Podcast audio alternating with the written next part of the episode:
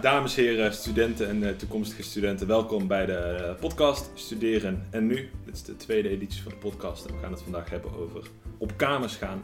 Studeren en Nu is een podcast van studentenvereniging SSR Nu. En naast mij zit mijn uh, mede-presentator Frans. Hoi, ik ben Frans. En vandaag gaan we dus inderdaad hebben over op kamers. En daarvoor hebben we een gast, Dani Gozen, student Liberal Arts and Sciences. Volgend jaar ab actis der afdeling. Maar uh, daarvoor zit hij hier nu niet. Uh, hij zit hier vooral om te vertellen over zijn ervaringen uh, met hospiteren op kamers. hij zit bij Ruimzicht. daarover horen jullie later meer. Um, ja, Dani, welkom. Dank, dank. Leuk, dank voor de uitnodiging. Hoe, hoe, hoe, lang woon je al op kamers? Um, ik woon nu bijna drie jaar op kamers. Dus ehm, ik ben begonnen gelijk toen ik ging studeren. ja, en nu studeer ik drie jaar, dus dan loopt het redelijk soepel. hoe was het om voor het eerst zelfstandig uit huis te gaan in je eerste jaar. Uh, je hebt ineens verantwoordelijkheid, je moet je eigen was doen. Uh, hoe, uh, hoe beviel dat? Heb je ook meteen de naaste te pakken? Ja. De was doen, dat vind ik nog altijd heel vervelend. maar dat is echt na drie jaar nog niet veranderd. ik woon met 16 mensen. we hebben één wasmachine. Ja. En dat is wel een redelijke terror. dus dat is timers zetten, vijf minuten voordat de wasmachine klaar is. Voor de wasmachine staan, rustig wachten. Um, maar goed, die is op zich, dat, dat, daar is mee te leven. Um, en verder ging het eigenlijk bij mij heel soepel. Dus um, ja, ik, ik, ik woon op mezelf en in één keer moet je eten kopen. Um, maar ja, zolang je genoeg eten koopt en genoeg eten in je mond stopt, blijf je leven. nou, hè, dat was niet zo moeilijk. ja, en verder was het uh, jezelf een beetje je plek vinden in je huis. hè, studie begon, alle, allemaal dingen waren nieuw. Het duurde al een tijdje. Maar goed, na goed, een goed half jaar heb ik denk ik een plek wel gevonden toen. En uh, nou, nu bevalt het eigenlijk wel heel goed. Ik heb weer heel recent twee maanden bij mijn ouders gewoond. Um, ik ben blij dat ik weer lekker niet ga zitten. Ja, dat is inderdaad wel lekker. Dat hoor je wel vaker, dat mensen zeggen als ze eenmaal een keer op kamer zitten, ik ga echt nooit meer terug naar mijn ouders. En uh, het is wel erg als ik er een weekendje zit, dan zit je ineens weer, uh, moet je ineens weer aan allemaal regels voldoen, terwijl je thuis gewoon lekker met je voeten op tafel en kan doen waar je zin in hebt.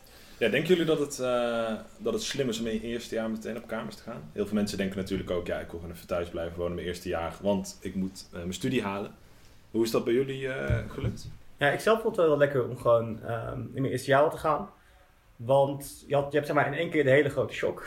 Je gaat een nieuwe studie beginnen en je bent op kamers. Als ik zeg, je moet er even aan wennen, maar op een gegeven moment ben je eraan gewend en zit je er helemaal in. Laat dat je die, die verandering zo heel erg verspreidt. Ja. Ja, ik had dat zelf ook inderdaad, uh, dat ik meteen op kamers ging en uh, dat ging eigenlijk heel goed. Ik, uh, ja, zolang je gewoon inderdaad wat jij al zegt, je boodschappen doet, dan kom je er vanzelf wel achter als je was op is. En dan is dat kennelijk de tijd dat je was moet doen. ik had inderdaad ook een, woonde in een, een flat met 20 mensen per, per verdieping, 9 verdiepingen hoog. en die hadden één centrale wasruimte waar zes wasmachines stonden. Dus ik ken het timer zetten en als je daar 20 seconden te laat was, dan lag je was al nat uh, op de grond omdat iemand anders uh, spullen erin ging doen. Oh. Dus dat is inderdaad wel terror. Um, heb je altijd in het huis gewoond waar je, waar je nu woont? Uh, ja, op zich wel. Ik heb afgelopen half jaar heb ik in IJsland gestudeerd, een halfjaartje. Mm. Dus ik heb ook nog 2,5 maand, langs de corona, maar 2,5 maand, echt in een ander huis gewoond. Um, had ik weer dezelfde probleem met de wasmachine trouwens. Ook al woonde ik al met vijf, vijf mensen. maar misschien dat het gewoon mijn eigen hekel wordt aan de was doen. Ja. Uh, maar nee, verder wel, ja. hoe heb je dat dan gedaan met, met je kamer in de tijd dat je in IJsland zat? Uh, dat heb ik ondergehuurd. Aan okay. een, uh, een, lid van de vereniging die, die ik goed ken. Ehm, die had de kamer nodig, ik had het niet meer nodig. Nou, 1 en 1 is 2. Ja. En die mag nu ook, komt zo meteen weer in mijn huis wonen. Want er gaat iemand anders weg. En hij heeft mooi die plek overgenomen. Top, nou, dat is ook een mooi bruggetje naar netwerken. Inderdaad, een tip die ik al van een, een ander lid meekreeg. als je een kamer zoekt en je kan ergens een kamer vinden, ook al is dat niet je perfecte kamer, ga er dan vooral voor. Want zodra je in Utrecht zit, uh, of in je studentenstad uh, waar je gaat studeren, um, heb je gewoon veel meer netwerk en kom je veel sneller via via aan een kamer. Um, je kan zelfs doorverhuizen in het huis waar je woont. Dus je in eerste instantie precies. een kamer krijgt die, nou wat is het, 6 vierkante meter is. Uh, wie weet, drie maanden later heb je een kamer van, van 10 vierkante meter. Of, ja. En het is ook, stel je woont al in Utrecht, dan heb je veel makkelijk dat je een hospiteeravond kan. Ik heb ook al verhalen gehoord van mensen die woonden dan in Amsterdam of zo. En die moeten dan elke keer met de trein heen en weer voor een hospiteeravond. Ja. En als je dan tien keer moet hospiteren, ja, dat kost en veel geld en veel tijd. We hebben het zelfs een keer bij mijn huis gehad, dat onze hospiteeravond duurde redelijk lang. Dat iemand echt al best wel vroeg weg moest, omdat hij de laatste trein moest pakken. kan je wel vertellen over hospiteeravonden in jouw huis? Je woont in uh, Acapella? Ja, ja, ik woon in, uh, in een ruimtehuis. Uh, Ruimzet is een stichting uh, wat in Utrecht vier studentenhuizen heeft, in Amsterdam één en in Groningen drie. Um, het is een christelijke stichting, dus je woont in een huis, uh, ze noemen het convivium, een convivium. Um, wat die term precies inhoudt weet ik nog steeds niet, maar het is gewoon een heel gezellig huis. Uh, je woont met veel mensen. Uh, je hebt een beetje een, een, een, christelijke grondslag allemaal. Je doet er allemaal wel eens af en toe wat mee, of hebt in ieder geval een opvoeding ermee. Maar verder komt het niet per se op een dagelijkse basis terug. Um, maar goed, ik wist hiervan omdat ik twee broers heb die ook al in Utrecht studeren. Ja, netwerken weer. en Um, mijn eerste hospiteeravond uh, was eigenlijk al toen ik nog de middelbare school zat. Dat was in maart 2017 uit mijn hoofd, dus nog voor mijn eindexamens. Uh, toen kreeg ik in één keer een mailtje van, hey, je mag langskomen voor een hospiteeravond. Mezelf twee dagen vrijgegeven van de middelbare school. Gewoon een mailtje gestuurd naar de administratie van, hey, ik ben er niet. Ja. Um, en dat werkte, ja, helemaal tof. Um, ja, en dan kom je daar aan op zo'n hospiteeravond en dan, uh, ja, dan heb je eigenlijk de, de standaard hospiteerervaring, denk ik een beetje. Uh, zeker op je eerste, je weet niet zo goed wat je moet doen. Je ziet in één keer een hele grote groep mensen. Uh, je gaat, ik, ging dan de kamers rond. Um, en de ene kamer was heel gezellig. En de andere kamer, er zaten dan, was helemaal donker, stonden een paar kaarsen. Er zaten twee mensen die chagrijnig voor zich uitstaarden. Uh, die gaven me een stofzuiger en zeiden, laat die, maar, laat die mee maar je, je talent zien. Um, nou, en dat, nou, dat moet je dan doen. Toen heb jij uh, Queen gezongen met de stofzuiger. Uh, I want to break free. zoals in de clip. Uh, nee, nee, nee. Volgens mij heb ik een, een mop verteld. Maar ik kan het niet meer herinneren. En als ik het nog wel zou herinneren, hij was denk ik zo slecht dat ik het niet nog een keer zou vertellen. heb jij tips als, als iemand die veel hospiteeravonden vanaf de huiskant heeft meegemaakt? Um, nou voor... goed, om ervoor te zorgen dat je niet in een, een of andere host terechtkomt, zou ik zeggen, schrijf je in bij een officiële stichting. Dus ga naar de SSH, um, doe iets als Ruimzicht. via Facebook kan natuurlijk ook. Um, maar het is gewoon, uh, dan, dan, loop je iets meer risico. Um, verder tips vanaf de andere kant. Um, ja, wees de beste variant van jezelf, maar ga niet overdrijven. Dus ga er niet rondlopen en vertellen dat je nooit de afwas wil doen, helemaal niet gezellig bin, bent. Eigenlijk uh, elke nacht tot 6 uur loopt de game op je kamer met, met je geluidfilter uit. Dat werkt niet. Nee. Um, maar ga ook niet jezelf voordoen als iemand anders. Uh, want hoe ik het merk en hoe in mijn huis vaak gekozen wordt, komt het toch wel op neer dat je kiest voor een persoon. Um, en dat hoeft helemaal niet per se de, ja, niet de leukste, klinkt misschien gek, maar je bent vaak ook een beetje op zoek naar een vervanging voor een andere persoon. Dus hè, gaat er rustig iemand weg, dan wil je geen druk iemand terug hebben. Neem dus ook een afwijzing niet al te serieus. Um, want uh, ja, wie weet ben jij dan net iets drukker en gaat er net iemand die heel rustig is weg en hebben ze in, het huis geen zin om uh, met twintig drukke mensen te wonen. Hm.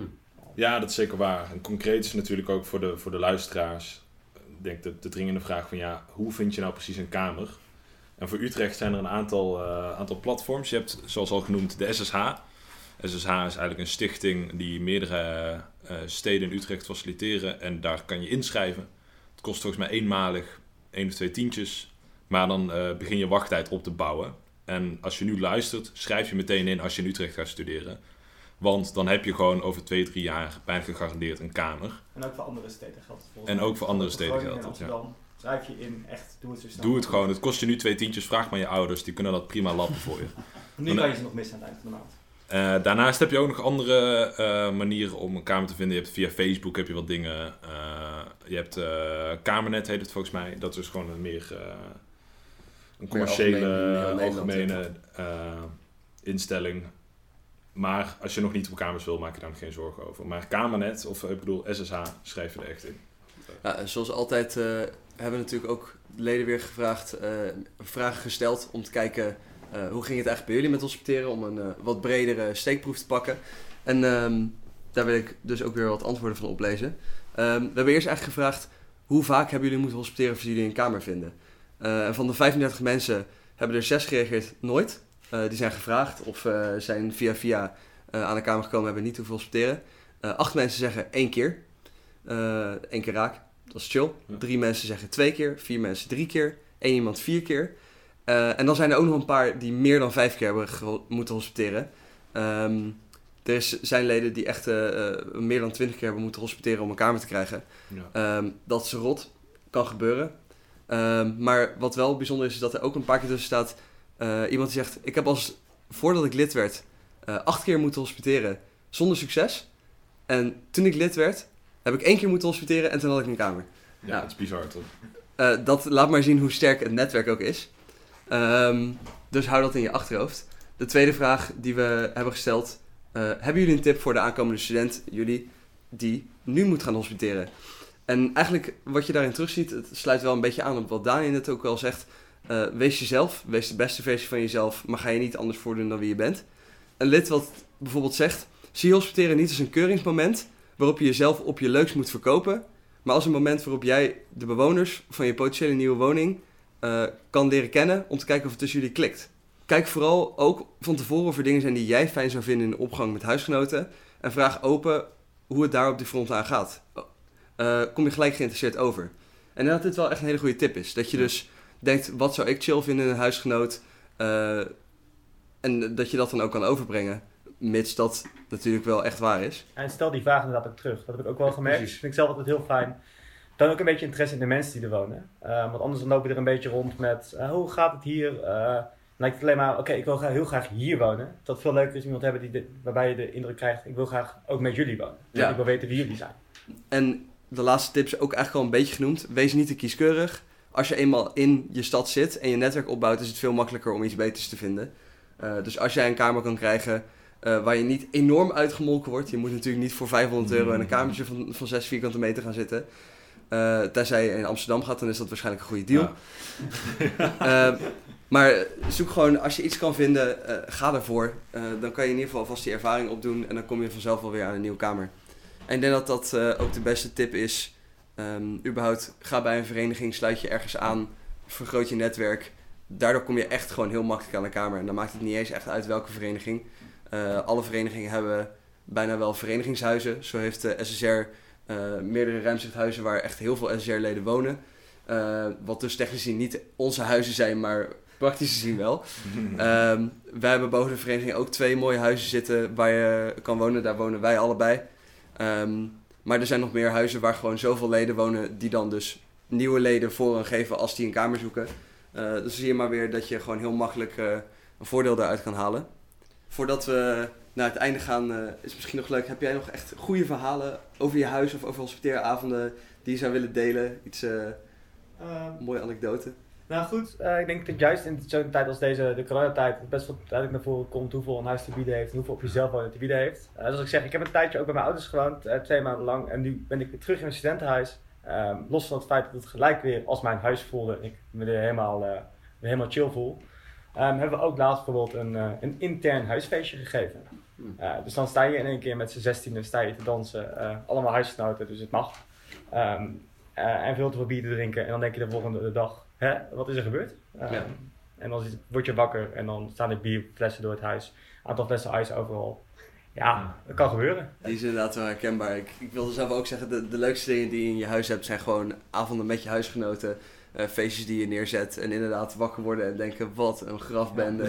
En dan met je brakke hoofd al die flesjes weer in een, uh, in een vuilniszak uh, gooien. Vergeten dat er statiegeld op zit. Dat is me al te bekend. Ja, het is het, het mooie van het studentenhuis vind ik zelf is dat ja, ik woon dan zelf met zes mensen. Al die levens lopen ook door elkaar heen. Dus ik had zelf in mijn tussenjaar dat ik best wel veel aan het borrelen was. En gewoon lekker hier beneden op de vereniging was. En dan kwam je soms om vijf uur, zes uur kwam je thuis. Dan stond je met je brakke kop teringlam een pizza te maken. En er was een andere huisgenoot die net wakker werd. En die stond dan de quinoa te roeren, weet je. En dan denk ik van, oh, what the fuck, waar ben ik mee bezig? Nee, ik denk dat dat uh, een mooi einde is uh, voor deze podcast. Ik... Uh ik denk dat eigenlijk de, de conclusie wel duidelijk is. Uh, als je gaat hospiteren, schrijf je zo snel mogelijk in. Uh, ga zo snel mogelijk op kamers, want het is gewoon echt veel chiller voor je persoonlijke ontwikkeling, voor gebrek aan reistijd. Uh, en het is misschien enigszins duur, maar elke dag heen en weer reizen is ook duur. want ook al is je OV gratis, als je je studie niet haalt, moet je dat allemaal terugbetalen. Ja. Dus wees je daar ook bewust van dat reiskosten, ook al zijn ze voor je gevoel gratis, er toch nog wel zijn. Um, wees jezelf, wees niet te veel een karakter wat je denkt dat je moet zijn. Uh, ben geïnteresseerd en uh, heb gewoon naar je zin. Uh, leg er allemaal niet te veel druk op, want iedereen is gewoon student en mens en iedereen wil het gewoon gezellig hebben en een biertje drinken. Ik denk dat dat ja. wel een mooie conclusie is voor, voor het hospiteren. volgende week zijn we weer terug. Gaan we het hebben over stu studentenverenigingen. in Utrecht en in het algemeen. Dan hebben we Dorine te gast. Ehm, over een paar dagen, zoals altijd, zal deze podcast ook met beeld op YouTube komen. Dan kunnen jullie ook Dani zien. Um, raad aan om dat te kijken. Daar zullen we ook weer wat extra beelden in zetten. volg ons op Instagram, instagram.com slash voor om vragen te stellen. Dan kunnen wij jullie helpen met misschien aan de kamer komen of hospiteren. Uh, en de tip van de week komt van onze productieassistent Ruben. Uh, zijn tip is, als je zelf moet gaan koken, gooi pesto erbij, dan is alles lekker. Easy. Uh, zoals altijd wil ik jullie bedanken voor het kijken. En zeg ik tot volgende week namens Casper en Frans. Podcast studeren en nu. Podcast. Podcast! Podcast! nice. Very nice.